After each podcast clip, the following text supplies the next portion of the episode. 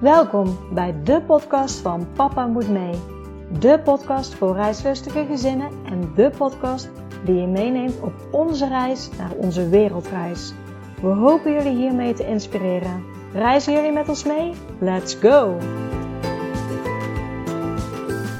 Welkom bij weer een nieuwe aflevering van de podcast van Papa Moet Mee.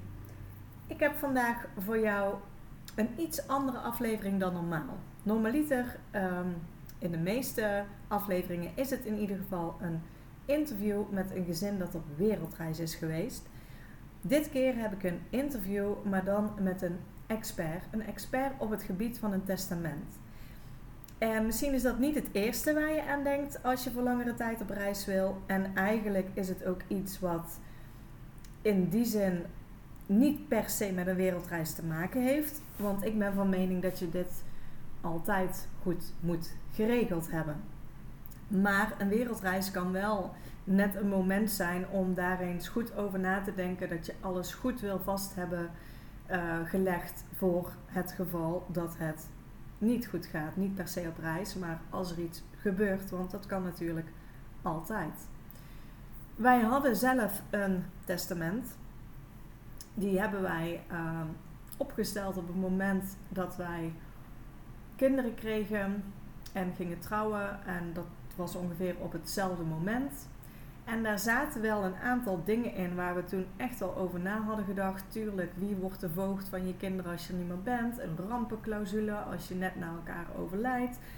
Maar er ontbraken ook best wel belangrijke clausules in ons testament. Uh, met name de clausules die jou heel veel belasting kunnen besparen. Um, ik ben van mening dat iedereen die informatie moet hebben en iedereen moet weten wat je in een testament moet zetten. Maar dat is gewoon moeilijk te vinden. Of je moet echt naar een notaris toe en die vragen ook een bepaald uurtarief. Dus het leek me handig om onze kennis te delen. En met name de kennis van een expert die ook bij ons is geweest, die ons ook heeft geholpen. Zij zijn als het ware een soort tussenpersoon die tussen jou en de notaris vallen. Zij laten zien, berekenen wat in jouw individuele persoonlijke omstandigheden het beste is om op te nemen. Je kan sommige clausules opnemen uh, en er later voor kiezen om er geen gebruik van te maken. Maar je hebt die keuze dan wel omdat ze wel in je testament staan. Nou dit wordt allemaal dadelijk duidelijk in het interview. Dus ja, doe er vooral je voordeel mee. Voor de rest ben ik deze week uh, ook weer bezig geweest met het e-book op wereldreis met je gezin. Ik ben afgelopen week bezig geweest met uh, de hoofdstukken vaccinaties, een inpaklijst. Wat zijn nu handige items om mee te nemen? Hoe kan je school geven op het moment dat je op reis bent en hoe kan het er allemaal uitzien? Uh, en internet op reis, want dat wordt natuurlijk ook steeds belangrijker, ook omdat er meer mensen zijn die vaker willen werken als ze op reis zijn, maar ook heel vaak het onderwijs wordt deels online ingeregeld of je moet online ergens inloggen om onderwijs te kunnen hebben.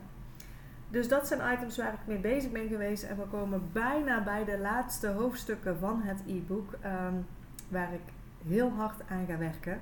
Dus ik hou jullie op de hoogte als ik helemaal klaar ben. Maar voor nu zou ik zeggen, Ga rustig zitten, ga luisteren en doe er je voordeel mee met dit interview over het testament.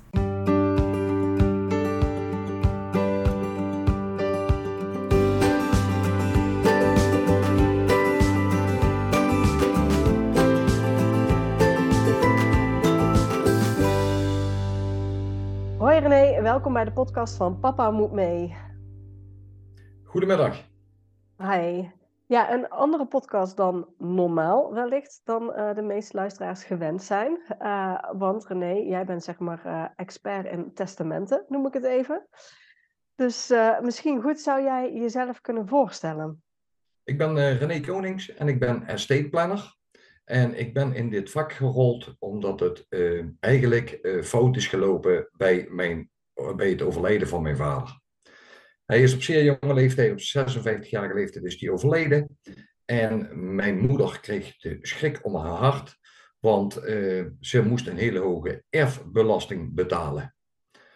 Wij dachten dat alles goed was geregeld, maar helaas, mijn moeder kon betalen. Zodat wij uh, een, opnieuw naar de bank toe moesten om een lening af te sluiten om de erfbelasting te kunnen betalen, omdat alles in de stenen zat. Ja, en ik, ik weet bij vooral een lange reis, maar ook gewoonlijk, um, wordt aan dit soort zaken niet zo snel gedacht of niet zo snel over gesproken. Want um, nou ja, de dood en alles eromheen, daar willen heel veel mensen het niet over hebben. Alleen het kan je ontzettend veel ellende besparen op het moment dat er iets ingrijpends gebeurt in je familie. En dat je dit wel goed hebt geregeld. Juist, dat klopt inderdaad. Alleen de meeste mensen staan er niet bij stil, want het liefste willen ze het zo lang mogelijk uitstellen. Ja, en dat hopen wij natuurlijk ook. Maar toch uh, denk ik dat het goed is uh, als, uh, ja, als het goed geregeld is. En daar gaan we het vandaag ehm, over hebben met jou. En om de luisteraar hierin mee te nemen, hebben we eigenlijk bedacht om een soort casus aan jullie voor te leggen van een, um, ja, een gemiddeld gezin, denken wij een beetje. um, om een voorbeeld te laten zien van hoe zit het nu? Want uh, ja, op het moment dat iemand overlijdt en er is niks geregeld, of je hebt een testament dat niet volledig is, uh, dan wordt alles, de erfbelasting, wordt gewoon betaald conform het Nederlands recht wat er geldt. Dat klopt. Uh, en die verschillen gaan wij eigenlijk nu ook laten zien van wat kan je daarin opnemen, wat kan je daarin regelen, zodat het jou uiteindelijk ook heel veel belasting kan schelen. Want regel je niks, dan moet je even uit mijn hoofd, um, binnen acht maanden of na acht maanden komt de Belastingdienst en moet jij afrekenen over de erfenis. Dat klopt inderdaad. Dus uh, je hebt gemiddeld de tijd acht maanden. Je kunt het ook een uitstel uh, vragen. Maar uh, de gemiddelde looptijd is acht maanden om de erfenis te kunnen in ieder geval af te wikkelen. betalen kun je vaker nog uitstellen. Maar je, je, hebt dan wel genoeg tijd om het af te wikkelen. En ook misschien om geld bij elkaar te krijgen als het in de stenen zit. Ja. Laten we gewoon beginnen met de casus. We hebben gewoon een uh, getrouwde man en vrouw, twee kinderen, een koophuis. We hebben dat gezegd, de WOZ-waarde is 500.000. Ze hebben daar nog een hypotheek op van 200.000. Um, dan hebben we een uh, bedrijfsvermogen van 90.000, beleggingen van de man 60.000, spaarrekening van de vrouw 60.000. Nou, die bedragen komen dadelijk nog wel. Maar met het begin te beginnen, jouw eerste vraag is altijd: hoe zijn ze getrouwd? Juist. Wij vragen eerst hoe zijn ze getrouwd. Ze kunnen namelijk uh, getrouwd zijn in de gemeenschap van goederen, maar ze kunnen ook een geregistreerd partnerschap aan zijn gegaan onder gemeenschap van goederen. Of om het iets eh, sterker te zeggen, sommige mensen hebben in het verleden ook wel eens huwelijkse voorwaarden afgesloten. En dan zit er wel een wezenlijk verschil in om, het, om de verdeling goed neer te zetten. Dus de huwelijkse voorwaarden, eh, die moet ook altijd voor het maken van een testament en een levenstestament gecheckt worden. Ja, want, want wat is daar nu zo belangrijk aan? Of waar staan soms mensen niet bij stil met die huwelijkse voorwaarden? Uh, omdat uh, je trouwt niet voor niets onder huwelijkse voorwaarden, maar vaak is het dat de vermogens gesplitst blijven. Dat betekent ook, bij, uh, als er iemand overlijdt, dat inderdaad het vermogen van de man en van de vrouw apart wordt gezien. Ja, en dat houdt ook in, volgens mij, met erfgenamen. Dus als je onder gemeenschap van goederen bent, bent getrouwd, dan is alles van jullie beiden. Op het moment dat één overlijdt, wordt alle waarde bij elkaar opgeteld gedeeld door twee. De ene helft is van de man, de andere helft van de vrouw. En dat gedeelte van de persoon die is overleden, dat wordt verdeeld over de erfgenames. In dit geval uh, de achterblijvende echtgenoot en de twee kinderen. Allemaal een derde. Dat klopt. Op het moment dat je dus onder huwelijkse voorwaarden bent getrouwd en alles is gescheiden, dan kan is... Het, kan het inderdaad ook zijn dat de partner buiten de erfgenamen valt. Ja. Dus Terwijl de partner in, in het normale erfrecht een uh, vrij hoge vrijstelling heeft van wel ruim 7, 7 ton. Ja, dus in het geval dat je onder huwelijksvoorwaarden bent getrouwd, uh, kijk die na, want het hoeft niet zo het geval te zijn, moeten we er ook even bij zetten. Er kan een zinnetje in staan uh, dat bij overlijden dat ze dan wel zeg maar, het, het gezamenlijk vermogen pakken. Maar het kan dus zijn dat, uh, dat daarin staat dat uh, aangeeft dat de vermogens gescheiden zijn en dat als één partner overlijdt, de andere partner geen erfgenaam is, alleen de kinderen. Ja, en dat is belastingtechnisch, daar komen we daar nog op terug, is dat niet voordelig, want de kinderen hebben maar een vrijstelling van rond de 22.000 ergens in mijn 22.918. Ja, dus dat is niet een heel hoog bedrag. En inderdaad, de echtgenoot heeft een vrijstelling van 7 ton. Daar, daarvoor is het altijd belangrijk om de huwelijksvoorwaarden voordien te checken. Uh, als je nog uh, geen testament hebt, dan geldt gewoon de wet. Uh, wil je een testament gaan maken, dan moeten we voordien altijd de huwelijkse voorwaarden checken. Als inderdaad, zoals je zegt, dat zinnetje erin uh, staat, dat het toch in de gemeenschap valt. Ja, dus ondanks dat we het hier over testament hebben, is het begin bij uh, als je getrouwd bent van wat, hoe ben je getrouwd en wat valt daaronder. Juist. In ons voorbeeld gaan we gewoon even vanuit dat het vermogen gezamenlijk is. Ja. Um, hoe, hoe wordt de erfbelasting eigenlijk uh, uh, samen, of hoe komen ze aan die bedragen? zoals je net hebben gehoord, was er 500.000 euro aan een huis. Daar wordt de hypotheek wordt echt afgehaald van 200.000 euro. Dan blijft er 300.000 euro over. Dan hebben we nog, zoals de, de, de casus zegt, een bedrijfsvermogen van de man of vrouw maakt niet uit. is 90.000, die tellen we erbij op. De beleggingen van de man worden er ook bij opgeteld en het spaargeld van de vrouw ook. Dat betekent dus dat er eigenlijk voor de erfbelasting 510.000 euro, uh, dat is het totale vermogen van de beide partners. Oftewel ja. de getrouwde of geregistreerd partnerschap. Ja, dus dan als 510.000 het vermogen is, dan wordt dat gedeeld door twee voor de erfbelasting. Want één partner gaan we vanuit, die leeft nog. Ja. Um, er 255.000 euro over. En die wordt verdeeld in, uh, zoals we op de, op de casus hebben gezegd, een vrouw en twee kinderen, die wordt verdeeld door drieën. Ja, als er dus niks geregeld is, wordt dat standaard gedeeld door drieën. Juist, dat is, dat is het erfrecht zoals Nederland het zegt. En zoals we net al reeds hadden besproken, zou dat uitkomen op voor de echtgenoot of echtgenote 85.000 en voor de twee kinderen 85.000. Maar zoals we net reeds hadden besproken, de kinderen hebben maar een vrijstelling van rond de 23.000 euro. Dat wordt van die 85.000 euro afgehaald. Dan blijft er 62.000 euro over per deel van een kind. We hebben twee kinderen, dus dat betekent dat, dat, dat er 62.000 euro keer 2 overblijft. Uh, die moeten we optellen, is, is uh, 124.000 euro. En daarover, over dat deel van die kinderen, moet erfbelasting betaald worden. Voor de vrouw vervalt het, want die 85.000, zoals we net reeds zeiden, heeft de echtgenoot of echtgenote heeft een vrijstelling van ruim 700.000 euro. Ja. Om, om even een, een, voorbeeld te geven, als, als dat zo is, dat er inderdaad over die kinderen, over die 62.000 euro, um, inderdaad betaald moet worden, om een kleine indicatie te geven, dat is 6.200 euro per persoon. Oftewel, keer twee kinderen, is dat 12.400 euro. Nou, die moet je ook maar even hebben liggen, want veel mensen hebben het in de steden zitten.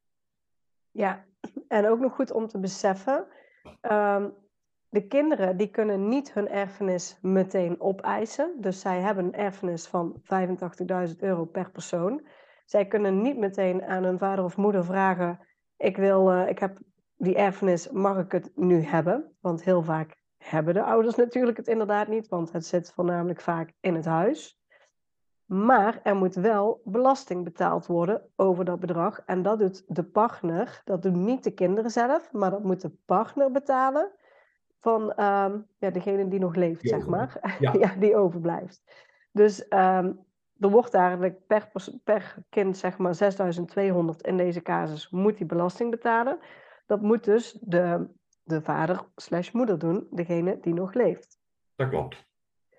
Dat is een uh, behoorlijk bedrag. Natuurlijk afhankelijk van hoeveel het vermogen is, kan het nog veel hoger zijn of lager zijn.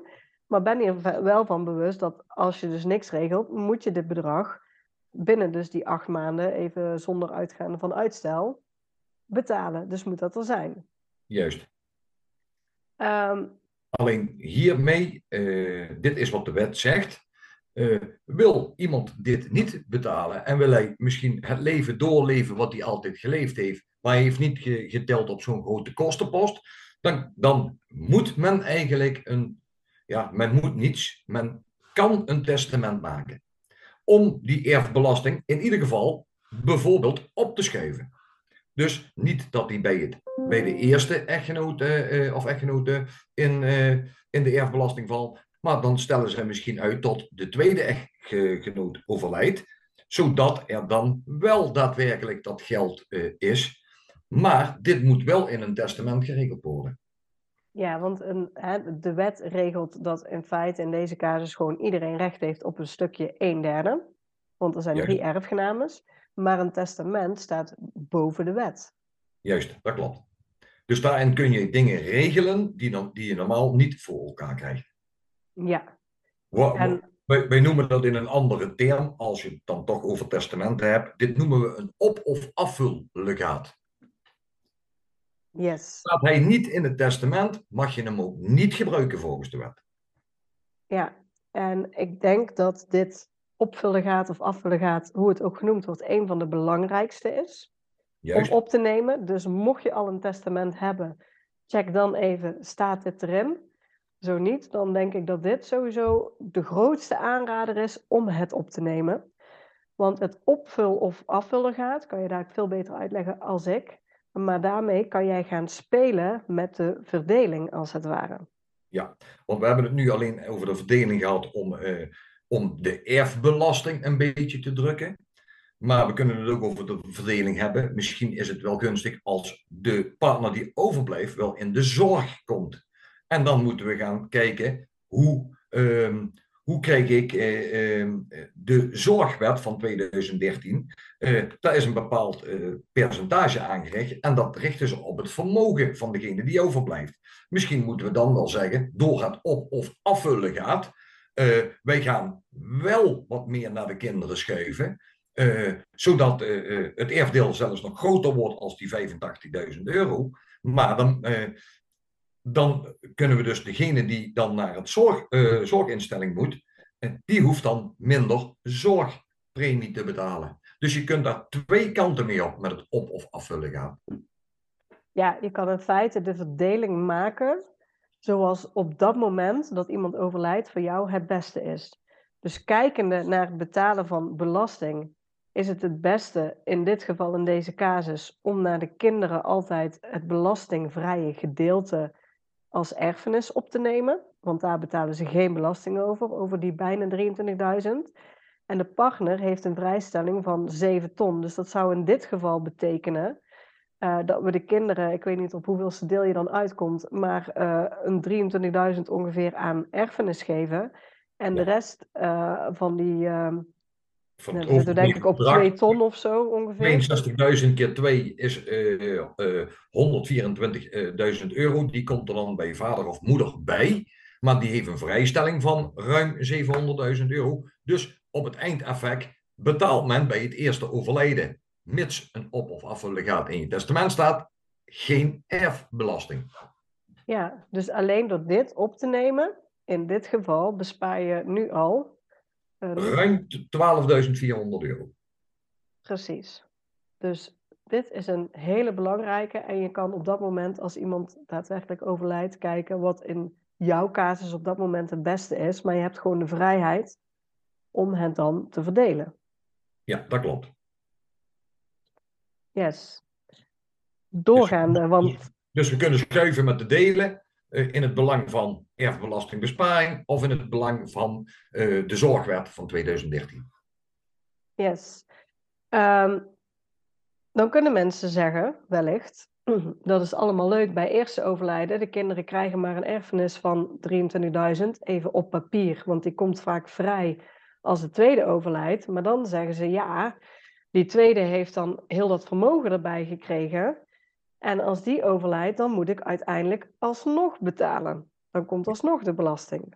Ja, ze zeggen ook nooit van het, is, eh, het, is, eh, eh, het, is, het, kan, het kan uitstel zijn. Het kan ook afstel zijn. Maar dat ligt aan bepaalde factoren. Want doordat wij. ehm, wij gaan op de delen die de kinderen zouden erven. En hoe groot het deel ook mag zijn, dat maakt even niet uit. Maar we zetten daar een renteteller op. Een renteteller over de vorderingen. Dat betekent dus vanaf het moment dat de eerste overlijdt, gaat de renteteller meelopen. Ik kan alleen het gemiddelde van Nederland zeggen. Het gemiddelde van Nederland is dat degene, de, meestal de vrouw acht jaar later overlijdt als de man. Ehm, dan heeft die rente opgelopen. Die rente plus het deel wat ze te goed hadden bij de eerste overlijden, dat mogen ze bij het tweede overlijden, inclusief de rente, mogen ze ervan aftrekken en dan betalen ze pas erfbelasting over het tweede overlijden.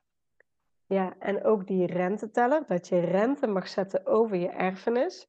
Als dat niet in jouw testament staat, is dat niet toegestaan, dacht ik. Mag je het niet gebruiken volgens de wet, past die je niet toe. Dit moet duidelijk in je testament formeel staan. Ja, en ook dit is weer iets heel makkelijks om op te nemen, want uh, het testament kan je volgens mij rekenen met 6% rente zelfs.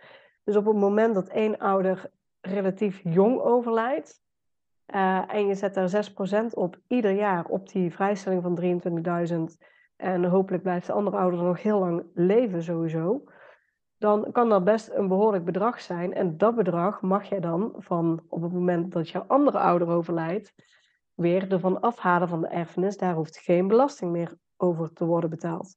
Dan kan het inderdaad zijn dat je dus krijgt als de andere partner langer leeft. En dan kun je inderdaad krijgen dat het inderdaad afstel is. Dus dat de, uh, dat de looptijd zo lang is geweest en de rente over die vorderingen zo hoog is opgelopen, dat men bijna bij het tweede overlijden ook niets meer betaalt. Ja. Maar renteteller moet in je testament. Ja, dus ook dat is weer een goede als je al een testament hebt. Ja. Kijk even na of dat deze erin staat, want het is ook gewoon uh, een hele handige om erin te hebben staan. Juist. Zo zijn er nog meerdere uh, ja.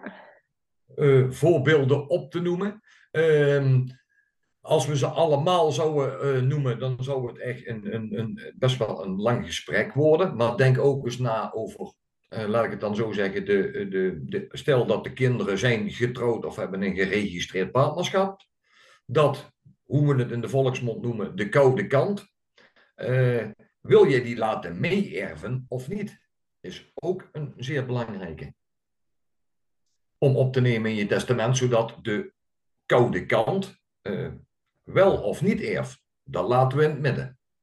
Ja, want op het moment wettelijk gezien is op het moment dat uh, jij bent overleden en je kinderen krijgen de erfenis, dan is die voor je kind. Maar als zij weer in gemeenschap van goederen zijn getrouwd, valt die in de gemeenschap? Valt die zowel uh, ja, voor jouw kind, maar ook de partner daarvan. En het mooiste is natuurlijk, vaak wil je je kinderen iets achterlaten, ongeacht of uh, de partner van je kind, of, of je hem nou wel of niet mag. Daar gaan we nu niet over hebben. Nee. maar uh, is het wel... We noemen ze ook altijd een beetje de frisse wind. De koude kant is een beetje, een beetje te, te strak. Ja, maar uh, in feite kan jij wel opnemen, zo, zonder dat zij iets hebben geregeld, kan jij als ouder zijnde opnemen dat die erfenis die jouw kind krijgt, dat die altijd bij jouw kind krijgt. Dus stel, ze zijn in gemeenschap van goederen getrouwd, je kind, kinderen, en eentje gaat uit elkaar, dan nog valt jouw erfenis, wordt niet verdeeld in het gezamenlijk vermogen.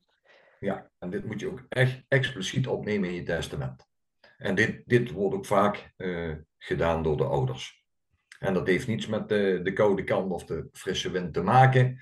Uh, ouders zeggen, wij hebben uh, gewerkt voor onze kinderen en we willen ook graag dat de erfenis bij onze kinderen blijft. Ja, en zelfs wij, onze kinderen zijn nog jong, maar we hebben het toch maar voor de zekerheid opgenomen. We kunnen het maar alvast hebben. ja, ja, dit snap ik. Zo, zo, zo zijn er inderdaad wel uh, veel meer uh, mogelijkheden om op te nemen. Uh, het, het, geeft zelfs dat. Dat je dat er een, dat er een, dit is even een regel die je niet 1, 2, 3 kunt uitleggen. Dit kun je ook niet met een casus uitleggen, maar zo kun je zelfs nog het beslissen voor een soort vruchtgebruik. en een soort bloot eigendom bij de kinderen.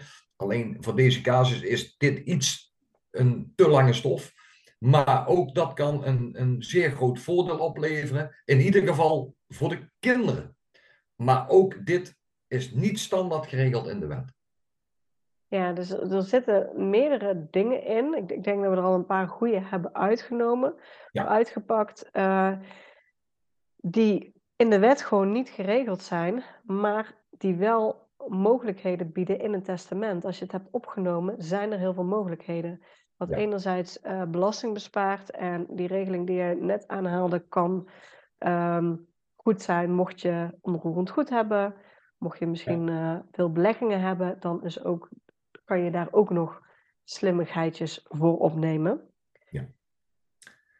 Alleen voor, voor, het allemaal uh, in goede banen te leiden, is het, is, is per uh, gezin is het echt verschillend. Want de, wat ik het meeste merk in, in de afgelopen jaren, dat inderdaad, uh, er zijn ook samengestelde gezinnen, er zijn alleenstaande. Let wel even op dat niet al deze regels die we net op hebben genoemd, voor iedereen gelden. Want dan krijg je namelijk weer een. Uh, dan moeten er bepaalde gegevens in je testament staan. Uh, zodat je weer wilt dat ze kunnen worden toegepast. Bij een samengesteld gezin is het dan ook weer wederom. Je kunt bijvoorbeeld je stiefkinderen gelijkstellen. Dus gelijk met je eigen kinderen, zodat je eigenlijk. Uh, dan worden hun ook automatisch de erfgenaam. dat moet je niet, dat mag je. Want ik ga niemand verplichten om iets te zeggen van, ja, en nou moesten we dit, dit gaan doen. Nee, maar voor alleenstaande bijvoorbeeld, daar geldt weer niet het opvullegaat. Maar die kunnen wel weer de privéclausule gebruiken, oftewel voor de koude kant om die uit te sluiten. Dus ook voor alleenstaanden zijn er best wel nog wat mogelijkheden om toch je testament in een, een goede baan te leiden. Ja, dus uh, wij maken deze podcast nu en we noemen heel veel dingen op waar je op kan letten, maar uiteindelijk is het natuurlijk per situatie verschillend. Ja. Uh, hoe dat jouw gezin eruit ziet, hoe dat je getrouwd bent, hoe je bezittingen eruit zien natuurlijk, uh, over wat slim is om op te nemen of wat niet. Mm, dat klopt inderdaad. En ik weet, mensen zijn er nooit over bezig. Alleen ja, het is best een. Als je een beetje bezit hebt. En ja, de gemiddelde Nederlander, zullen we dan maar even noemen, uh, zit een beetje met deze casus. dat, is, is, een beetje het gemiddelde. Nou, ik zeg altijd, dan heb je wel een testament nodig voor, voor inderdaad deze zaken te regelen. en dan mag je zelf invullen hoe je het wil regelen. Dus als je nou betaalt of niet betaalt, of je wil uitstel hebben, of je wil de renteteller gebruiken, dat mag je je allemaal bepalen en dat kan ook allemaal in het testament. Ja, en nog misschien een goede toevoeging om te zeggen, je testament is individueel. Dus jij hebt als persoon een eigen testament en jouw partner heeft, als het goed is, ook een eigen testament. En jij kan zelf bepalen wat in jouw testament komt te staan. Dat hoeft niet hetzelfde te zijn als jouw partner. Nee, ze mogen beide van elkaar verschillen. Ja. Maar iedereen heeft zijn eigen, zoals ze het dan mooi noemen, akte. Of ik kan nog wel zeggen, iedereen heeft zijn eigen document. En die kan die zelf helemaal invullen zo, uh, naar haar of zijn wensen. Ja. Ja, misschien om ook nog goed uh, om te noemen is, uh, nee, we hopen natuurlijk niet, maar hier zijn natuurlijk veel gezinnen die gaan reizen of hebben gereisd die de podcast luisteren. Er is ook een rampenclausule. Nou, heeft het natuurlijk niet zo'n leuke naam. Ja. Maar dat is natuurlijk ook goed om te noemen. Want op het moment dat er iets gebeurt en dat jij overlijdt. Stel even, je zit inderdaad in een vliegtuig of iets en het stort neer. En je echtgenoot overlijdt um, eerder dan, dan ik zou doen. Dan gaat eigenlijk eerst al zijn bezittingen over naar mij. Vervolgens overlijd ik en misschien ook de kinderen. Dus die zijn er ook niet meer. Um, dus dan is niemand van het gezin er meer, maar omdat ik dan iets langer heb geleefd, zou alles naar mijn familie gaan. Dat klopt inderdaad. Alles gaat naar de familie van degene die het langste heeft geleefd. Wil je dit niet hebben, dan heb je dus ook, dat noemen ze dan in het testament, de rampenclausule. En die moet je dan, ja, daar kun je in op laten nemen als ik geen afstammelingen meer heb. dan moet het toch eerlijk over beide families verdeeld worden. Neem je dat niet op, of maak je geen testament, dan is het echt de langslevende daarvan de familie krijgt uh, de complete erfenis. Bij geen afstandeling. Ja, en dat betekent dus inderdaad, in het geval dat er iets gebeurt met heel het gezin, kan het dus zomaar zijn dat een van de twee families gewoon helemaal niks krijgt en de andere alles. Nou, dat zeg je helemaal goed. Ja. Dat klopt. Dus daarvoor, uh, dat is later na pas als nieuwe regel toegevoegd. Uh, daar waren veel mensen waren er toch wel verbaasd over. Maar in het Nederlandse recht hebben we altijd een eerste en een tweede overlijden. En als het dan toevallig uitpakt dat er dan ook nog geen afstammelingen meer zijn, oftewel kinderen en kleinkinderen, ja, dan is het inderdaad de laatste die overlijdt. Daar, naar die familie gaat de hele erfenis. Ja, dan zit er ook nog, dacht ik, een, een 30 dagen clausule in. Ja, als ze, als ze een 30 dagen clausule, als, ze met de, uh, als je inderdaad met de hele familie komt te overlijden, uh, en eigenlijk heel door de bocht gezegd, stel de een overlijdt twee minuten later als de ander, dan wordt er eigenlijk twee keer erfbelasting gegeven. Eerst op degene die overlijdt, dan op de langslevende. Dus dat is al één keer erfbelasting. Dan overlijdt die langslevende twee minuten later. Dan wordt er weer erfbelasting gegeven. Nou, wat zeggen ze in de 30 dagen regel? Wij zorgen er dan voor dat het maar één keer erfbelasting is. Maar dat moet je wel specifiek in je testament laten omschrijven ja, zoals al deze regelingen, moeten erin staan. Ehm, dus, dus dat zijn gewoon echt uh, slimmigheidjes waarmee, um, ja, uh, ik bedoel, als zoiets gebeurt, is natuurlijk al helemaal niet leuk. Nee. Uh, je doet het eigenlijk puur voor jezelf en voor je gezin. Ja. en ik zeg, niet iedereen heeft een testament nodig. en dat is ieder voor zich. Maar het zou wel wenselijk zijn als, als inderdaad mensen er wat meer bij stilstonden. Uh, heb je een vermogen en heb je een eigen huis en heb je wat spaarcenten, ga er dan eens mee aan het werk. En laat je adviseren.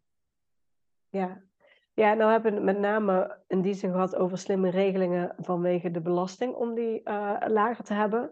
Maar ik denk dat heel veel gezinnen, tenminste bij mij was het ook zo, dat op het moment toen er kinderen kwamen, hebben wij een testament gemaakt. Want heel veel gezinnen zeggen, ja, stel dat wij wegvallen, dan willen we dat de kinderen goed terechtkomen, dat daar iets mee gebeurt. Uh, zo hebben wij zelf ook ons eerste testament gemaakt, maar die was gewoon niet volledig. Daar zat bijvoorbeeld geen opvullegaten in. Um, rampclausule hadden we volgens mij wel, maar uh, ook de renteteller stond er niet in. Dus heel veel dingen misten wij. Um, maar inderdaad, die voogdij, dat gedeelte, is ook een belangrijke natuurlijk in het testament. En aan het voogdij moet je ook altijd een bewind koppelen, voor als de kinderen ook weer minderjarig zijn. Voogdij is tot 18 jaar. En bewind, dat gaat over geld. Voogdij is zorg. Bewind gaat over geld. Dus uh, meestal koppelen ze die. Maar dat, is ook, dat kan ook verschillend zijn. Want uh, sommige mensen koppelen de zorg los van het geld. Uh, dat kan ook, je kunt ze ook samenpakken. Maar voogdij en bewind wordt vaak op jongere kinderen toegepast.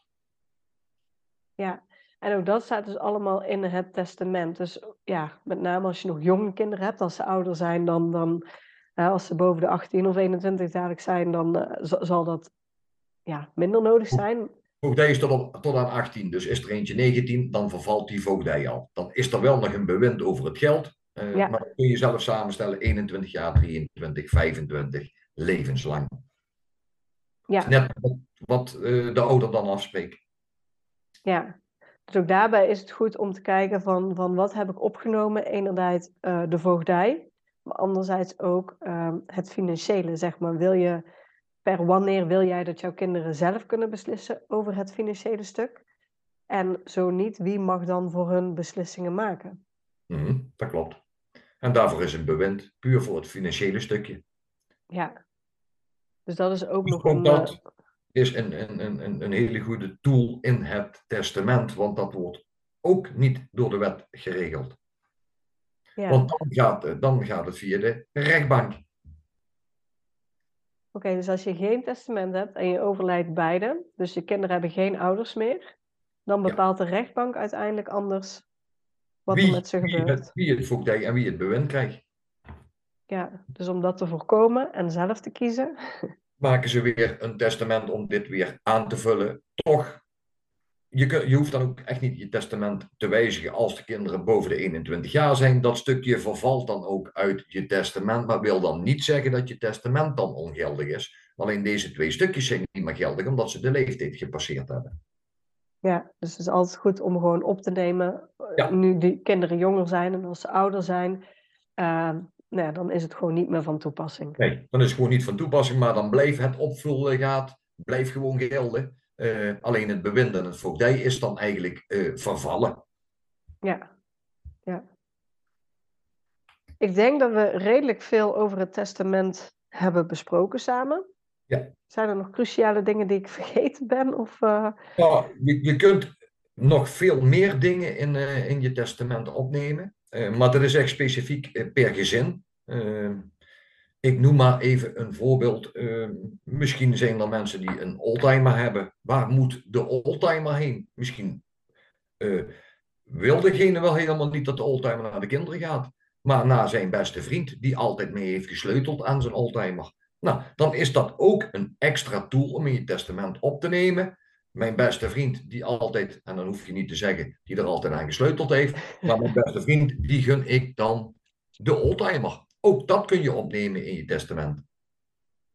En er Ja. zijn nog meerdere dingen in je testament, maar alles een testament is als je bent overleden. En stel nou voor dat je van tevoren wilsonbekwaam wordt.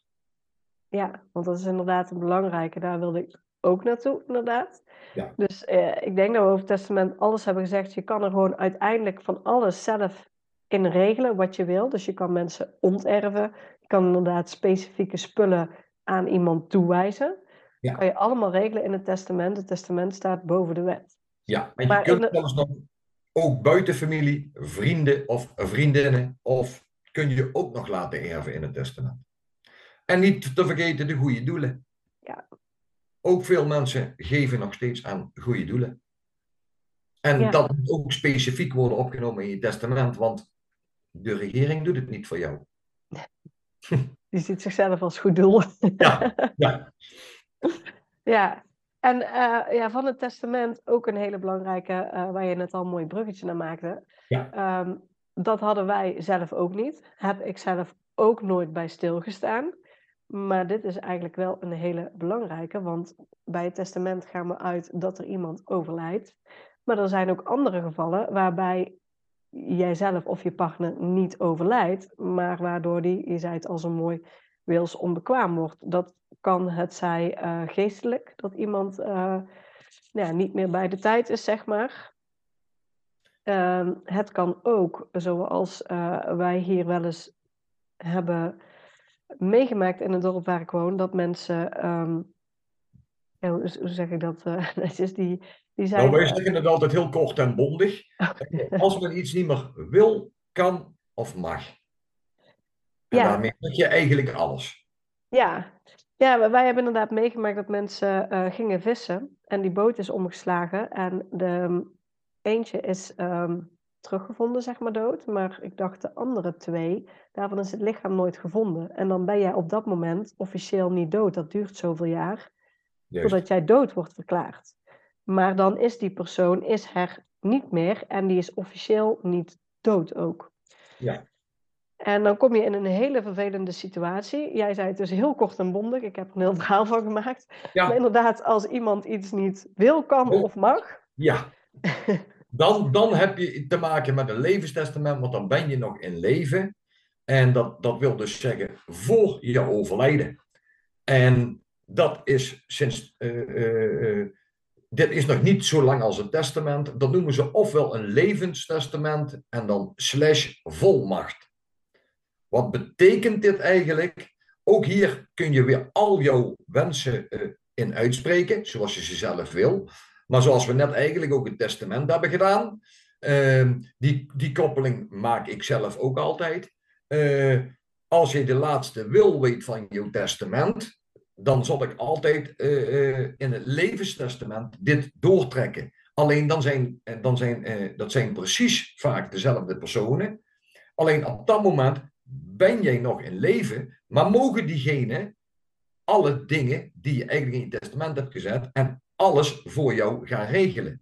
Ga je dit niet in een levenstestament zetten en regel je niets, dan moet je naar het kartongerecht. Oftewel, dan, dan als, je, als je een huis hebt met twee personen, man en vrouw, en de vrouw weet het niet meer, dan mag die man niet zeggen, en nou mag ik tekenen voor mijn vrouw. Want dan moet hij zich echt gaan melden bij het kartongerecht. Dit kun je als enigste oplossen in een levenstestament, zodat hij wel de volmacht krijgt, omdat die vrouw het niet meer weet. En dan mag hij namens die vrouw tekenen. Ja, want anders kom je dus in een situatie terecht, wat uh, ja, bij ons in het dorp is gebeurd, dat iemand wellicht omdat zijn partner dus vermist is en dus waarschijnlijk dood is, uh, maar officieel nog niet dood verklaard omdat ze geen lichaam hebben gevonden, of iemand weet het niet meer, is dementerende. En je wil bijvoorbeeld van je huis af, omdat je het nu goed kan verkopen en kleiner gaan wonen of noem maar op. Dat kan anders niet, omdat je partner er niet is om te tekenen of het niet meer kan of weet. Uh, dus als jij niks hebt geregeld, zit jij gewoon vast aan een huis omdat jij niet mag tekenen voor jouw partner. En dan moet je dus, zoals je al aangaf, helemaal naar de rechtbank toe. Uh, maar dat kan je dus omzeilen met een levenstestament. Is dus even duidelijk, het is dus een ander document als het testament. Het testament hebben we gehad, is echt als je dood bent. Het levenstestament is een ander is bijzijnde in leven. Dus het is voor dood. Dus we hebben het hier over vier. Als je over man en vrouw spreekt, heb je het hier over vier actes. Twee actes zijn je testament en twee actes zijn je levenstestament of je slash volmacht, zo wordt het ook wel eens genoemd. Ja, en in je levenstestament, om daarbij stil te gaan, het eerste wat jij daar bijvoorbeeld in regelt, uh, je hebt natuurlijk je financiële zaken zoals we net hadden, je huis, uh, je rekeningen. Wat staat er dan in het levenstestament of wat kan je opnemen? Want het is natuurlijk niet standaard. Zodat, zodat uh, je kunt in je levenstestament opnemen dat je partner alle financiële zaken van jou mag behartigen. Maar dat kan ook zijn uh, uh, dat hij namens jou uh, misschien wel post van de gemeente, of misschien beleggingen, of misschien een woning, of misschien een tweede woning. Je legt eigenlijk vast dat zodra ik het niet meer wil, kan of mag, dat, dat de partner van mij het, het financiële gedeelte compleet over mag nemen. Een levenstestament is uit twee stukken opgebouwd. Notarieel wil eigenlijk zeggen, alle, en dan zal ik het even makkelijk uitleggen, alle post die binnenkomt, die op de naam van een van beiden staat of op allebei. Maar het gaat, het gaat erom dat de naam die op de brief staat, en ook zowel digitaal als uh, fysiek, dus met de brievenbus nog, ouderwets, uh, dat, die, uh, dat die partner dat allemaal kan overnemen. Zonder tussenkomst van het kartongerecht. Ja, die is daar dan op dat moment ook voor bevoegd, omdat dat notarieel is vastgelegd. Ja, en dan heb je nog een ander stukje in het levenstestament en dat is de medische volmacht. Dus je hebt de notariële en je hebt de medische volmacht. Hierin kun je zelfs je wensen, let wel op uitdrukkelijk je wensen, eh, kenbaar maken voor het geval dat het niet meer zo goed met je gaat en dat er eigenlijk in sommige gevallen liefst een zo pijnloos mogelijk lijden is. En ook omdat je het misschien dan niet meer weet, mag je dat wel vast laten leggen in jouw levenstestament. Zodat degene die de volmacht hebben, in de medische volmacht, dat kunnen dezelfde zijn als de uh, notariële volmacht. Het kunnen ook verschillende mensen zijn. Maar zodat die kan beslissen van, ja, als ik zoveel pijn heb, dan wil ik dat toch eigenlijk wel dat er een einde aan wordt gemaakt, ook al zal ik het zelf niet meer weten. Ik spreek dat uit als wens, maar uh, het is wel zo dat degene die gevolmagd zijn, daaraan zullen ze vragen, klopte dit wel? En je moet het ook elk jaar bijhouden, liefst bij de huisarts. Want de medische volmacht uh, lever je in bij de huisarts, zodat hij ook weet dat dit je wensen zijn. En het liefst heb ik ook, en heb ik niet alleen, maar hebben de, hij, hij wil de huisarts ook, dat we het eigenlijk elk jaar netjes bijhouden. Het is gewoon of een belletje of een bezoekje aan de huisarts om te zeggen dat je nog steeds achter je medische volmacht staat, zolang je wils bekwaam bent. Ja, want dan hebben we hier een stukje over, over medisch gezien. Even voor mensen, dat kan dus een euthanasieverklaring zijn. Dat jij uh, met je naaste bespreekt op het moment dat ik een kastplantje ben, dat ik niks meer weet, dat ik niks meer kan, dan hoeft het voor mij niet meer. Nou, op dat moment, um, als jij niks meer weet, mag jij daar zelf niet meer over beslissen. Dat kan je dus opnemen in het levenstestament. Dat wil niet automatisch zeggen dat op het moment dat jij in die situatie zit, dat ze meteen euthanasie gaan plegen. Want zoals jij zegt, daar moet jij eigenlijk wel ieder jaar actief ook hebben aangegeven bij de huisarts dat jij het zo wil. En dan nog vragen ze het na aan de gevolmachtigde van dat moment. Dus ze gaan niet over één nacht ijs. En wij zeggen er altijd duidelijk bij, het zijn wensen, hè? het zijn geen verplichtingen. Ja, dus dat is even goed ook voor mensen die vinden het wellicht misschien een beetje eng om het hierover te hebben of het op te nemen. Ja. Um, maar ja, het, het is wel fijn als het erin staat en als het wel kan. Tenminste, ja. uh, ik heb het van dichtbij meegemaakt in de familie, in het gezin. En als iemand zo ontzettend aan het lijden is en er totaal geen uitzicht meer is, dan kan het heel fijn zijn om wel euthanasie toe te passen. En dat is niet altijd heel makkelijk. Ik ben er ook blij om, want ik heb het in de familie ook meegemaakt. Ik ben blij dat bij mijn vader het behandelverbod, maar dat moet je even snel vergeten, uh, toegepast is kunnen worden. Oftewel, ik kan het in makkelijke woorden zeggen. Hij werd niet meer beter. Hij was ongeneeslijk ziek. En daarna hebben de artsen beslist inderdaad om de morfine omhoog te zetten. En mijn vader is rustig ingeslapen, want hij was en een kastplantje. Hij was ongeneeslijk ziek. En op de laatste dag was deze beste meneer was ook wils onbekwaam. Dus alle drie de facetten zaten erin. Dus ik ben blij dat mijn vader zo aan het einde is gekomen om niet meer zoveel pijn te lijden. Had hij dit nou vastgelegd uh, in een levenstestament, uh, dat was er op dat moment nog niet, zal ik je ook wel eerlijk vertellen, dan was het wat makkelijker voor, geweest voor mijn moeder en voor uh, mij en mijn zusje. Ja, want op dat moment weet je ook wat de wil is van die persoon toen hij nog wel wilsbekwaam was. Juist. Dan, heb je, dan kun je dus inderdaad zeggen, dat was zijn wens, want kijk maar, we hebben het destijds vastgelegd en mijn vader heeft het ook elk jaar bevestigd. Alleen nu was er niets en dan krijg je iets meer touwtrekkerij. Wat eigenlijk niet nodig was geweest, want ja, als iemand in die staat is, wil je eigenlijk het liefste dat die van de pijn verlost is. Ja, snap ik. Dus uh, een levenstestament is eigenlijk, uh, als ik het goed zeg, tweeledig. Eén, financieel. Stel inderdaad dat je partner niet meer kan of mag tekenen, uh, dan kan jij het overnemen zonder dat je daarvoor naar de rechter moet. En niet alleen, we hebben het nu over de partner, maar in het levenstestament kan je eigenlijk trapsgewijs mensen aangeven. Want je neemt bijvoorbeeld je partner op. Stel dat je partner even eerder overlijdt dan jij, die is er niet meer. Dan kan je bijvoorbeeld de volgende personen opnemen, bijvoorbeeld je kinderen, dat die het dan kunnen zijn. Ja, je kunt meerdere personen opnoemen in, in de volmachten. En ook trapsgewijs. Dus je kunt zeggen, eerste gevolmachtigde, die, mag, die, die volmacht mag ook direct ingaan. En de tweede gevolmachtigde, die moeten nog eventjes wachten. Als de eerste uitvalt, dan mogen de, bijvoorbeeld de kinderen, mogen dan het stokje overnemen. Alleen je moet het wel netjes laten beschrijven. Ja, en ook hier weer kan je ook weer zeggen, stel dat je kinderen nog te jong zijn, stel even in het, in het hele slechte geval dat je partner overlijdt en jij op jonge leeftijd uh, dement wordt of een andere ziekte waardoor je het niet meer weet allemaal, dan kan erin staan dat je kinderen het mogen beslissen. Maar ja, als je kinderen dan nog um, op een bepaalde leeftijd zijn, nog zo jong, dat die ook geen idee hebben, kan je daar ook weer een bewindvoerder voor aanwijzen. Een uh, reservegevolmachtigde die dan weer meekijkt met de kinderen. Ja, precies. Dus, dus dat is weer het verschil met in een testament doe je een bewind. Okay. En in de volmacht doe je een reservevolmacht, zodat, uh, zodat er altijd eentje meekijkt als de kinderen minderjarig zijn over de schouders uh, van de kinderen. En die beslist dan mee wat er moet gebeuren ja, met degene uh, die dan nog wel leeft. En dat is een groot verschil. Want Ja. hij leeft nog gewoon, hij of zij leeft nog gewoon. Ja. En dus die beslissingen worden nog moeilijker. Eh, alleen als je dan jongere kinderen hebt, dan is het wel fijn dat er nog een, ja, hoe zeg ik het altijd, iemand eh, bij staat.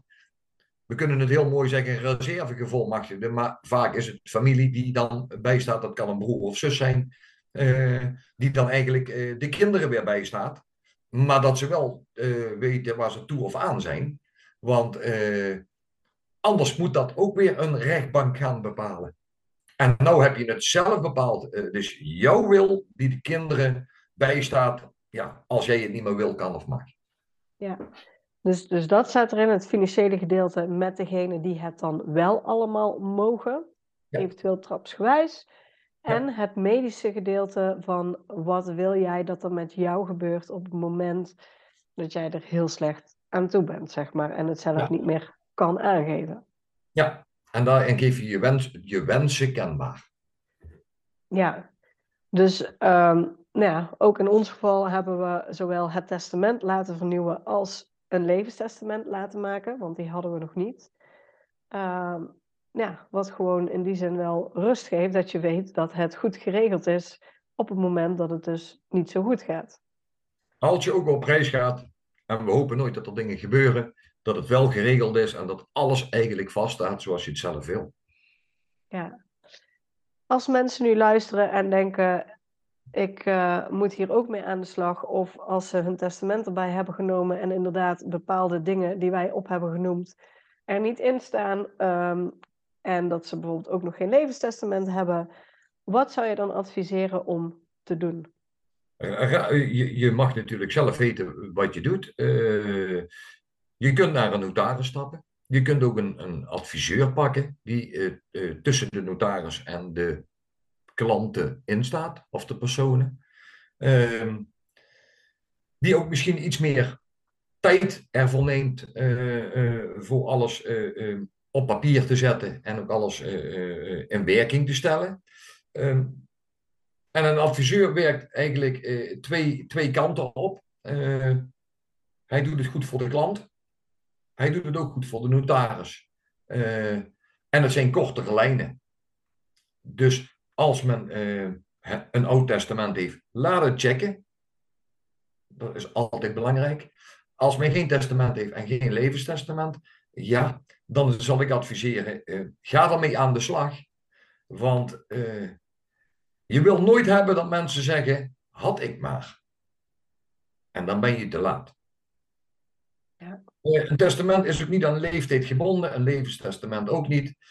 Maar ik kan me voorstellen, als mensen veel reizen voor hun werk of reizen voor hun plezier, eh, denk altijd goed na wie je eh, eh, achterlaat en hoe heb je het geregeld. Want dat wil ik altijd mensen meegeven van, het maakt niet uit een leeftijd. Je ziet het zelf bij mijn vader, hij was maar 56. Ja. Ik kan ook jongere mensen opnoemen. Dat bespaar ik. Ik snap ook dat mensen niet met te jonge leeftijd eh, daarmee bezig zijn. Maar ik kan me wel voorstellen, reis je veel voor je werk of voor je plezier en ben je veel eh, uit elkaar met je gezin, dan zou ik toch maar eens even nadenken om iets te gaan regelen. Ja. Ehm, nou ja, zoals je al aangaf, ze kunnen rechtstreeks naar een notaris toe gaan. Ze kunnen ook bij een adviseur eh, komen, zeg maar. Dat is eigenlijk de rol die jij hebt. Ja. Ehm, het voordeel daarvan ook, mensen moeten ook niet vergeten, op het moment dat iemand overlijdt, is het ook belangrijk. Je kan alles vastleggen in een testament. Dat leg je ergens op zolder en het verstoft. En hè, we hopen dan dat het nog heel lang duurt voordat de partner overlijdt. En dan overlijdt hij en dan denk je, oké, en nu? Wat moet ik nu doen? Dat is het voordeel van een adviseur en notaris, of eigenlijk, ze doen allebei hetzelfde. Alleen een adviseur, eh, eh, dan kun je zeggen van luister nou, er is er eentje overleden. En nu? Wat moet ik nu doen? Nou, dan hebben wij altijd gezegd, dan kun je ons altijd bereiken, want dan staan we de mensen ook bij met vragen en oplossingen. Want wat hebben ze destijds getekend? Wat houdt het testament nog in? Eh, en hoe wil je het uitgevoerd hebben? Daar, daar doen wij ook een stuk begeleiding in. Ja, want ook dan komt zeg maar ehm, dat je uiteindelijk je erfbelasting in moet vullen. eh, dat er een belastingaanslag komt, dat je moet betalen of niet, hopen we in ieder geval zo min mogelijk, Ja. uh, naar de belasting. Um, ja, en, en in sommige gevallen moet je dingen al binnen drie maanden regelen. Want uh, de, dat geldt voor specifieke regels, daar gaan we nu niet helemaal op in. Nee.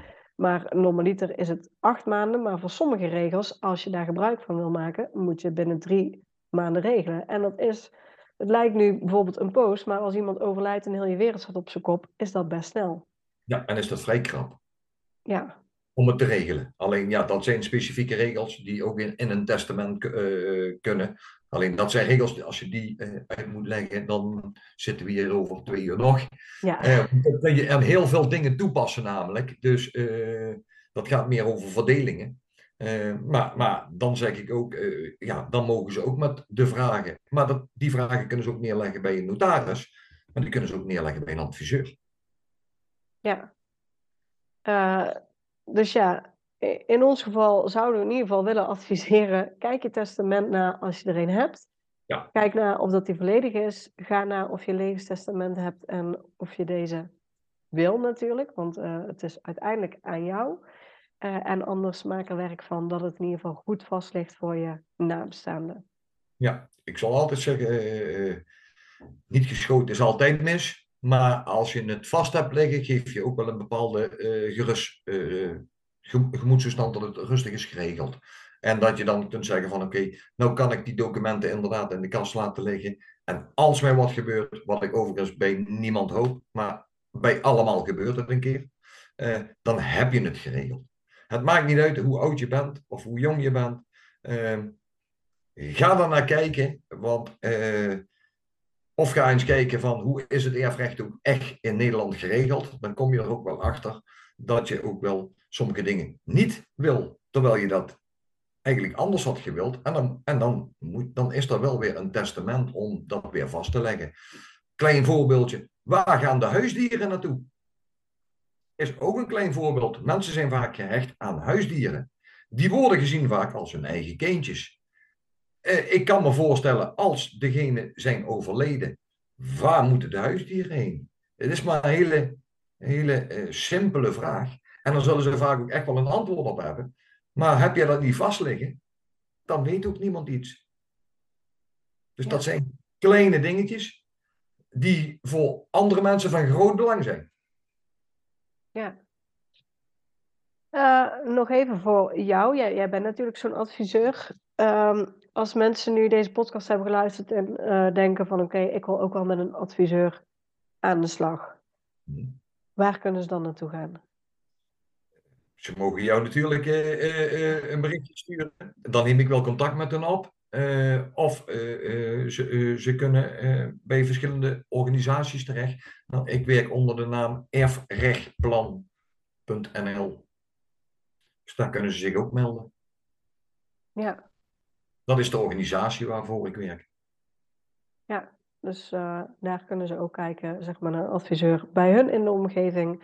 Mocht je enthousiast geworden zijn uh, van René zelf, inderdaad, dan laat mij ja. het weten. Dan uh, kan ik jullie aan elkaar koppelen, natuurlijk. Ja. Dus je kunt het op verschillende manieren regelen. Naar de notaris, naar erfrechtplan.nl. Of je zegt, ik, ik wil het wel bij René doen. Dan mag dat ook. Ja, dan moeten ze jou even een appje sturen en dan zal ik contact opnemen. Um, ik zeg alleen tegen de mensen, zorg nooit dat het te laat is. Daar ben, ben, ben ik me heel vaak van bewust. En ik maak natuurlijk in, uh, best wel vaak uh, dingen mee. En dan zijn ze bijna te laat. Ik zeg niet te laat, maar bijna. En in de meeste gevallen wil je dit niet. En wil je wat geregeld hebben en heb je een beetje vermogen, ja, zet het op papier hoe je het echt wil hebben. Ja, zeker. Nou, ik denk uh, dat we heel veel waarde hebben gedeeld in deze podcast. In ieder geval uh, veel dingen hebben gedeeld die mensen kunnen regelen, of in ieder geval iets is om over na te denken. Mm-hmm. Uh, nou ja, dus ik wil jou bedanken voor jouw tijd en dat jij dit met ons allemaal wilde delen. Ja, gedaan. En ik zal zeggen voor de rest van de mensen die nog geen testament, een levenstestament hebben en dus willen er toch succes ermee. Super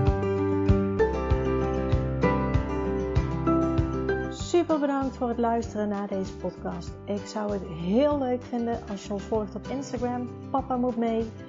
Deel deze vooral in je stories als je hebt geluisterd en tag ons en laat ons weten wat je ervan vond. Tot de volgende keer.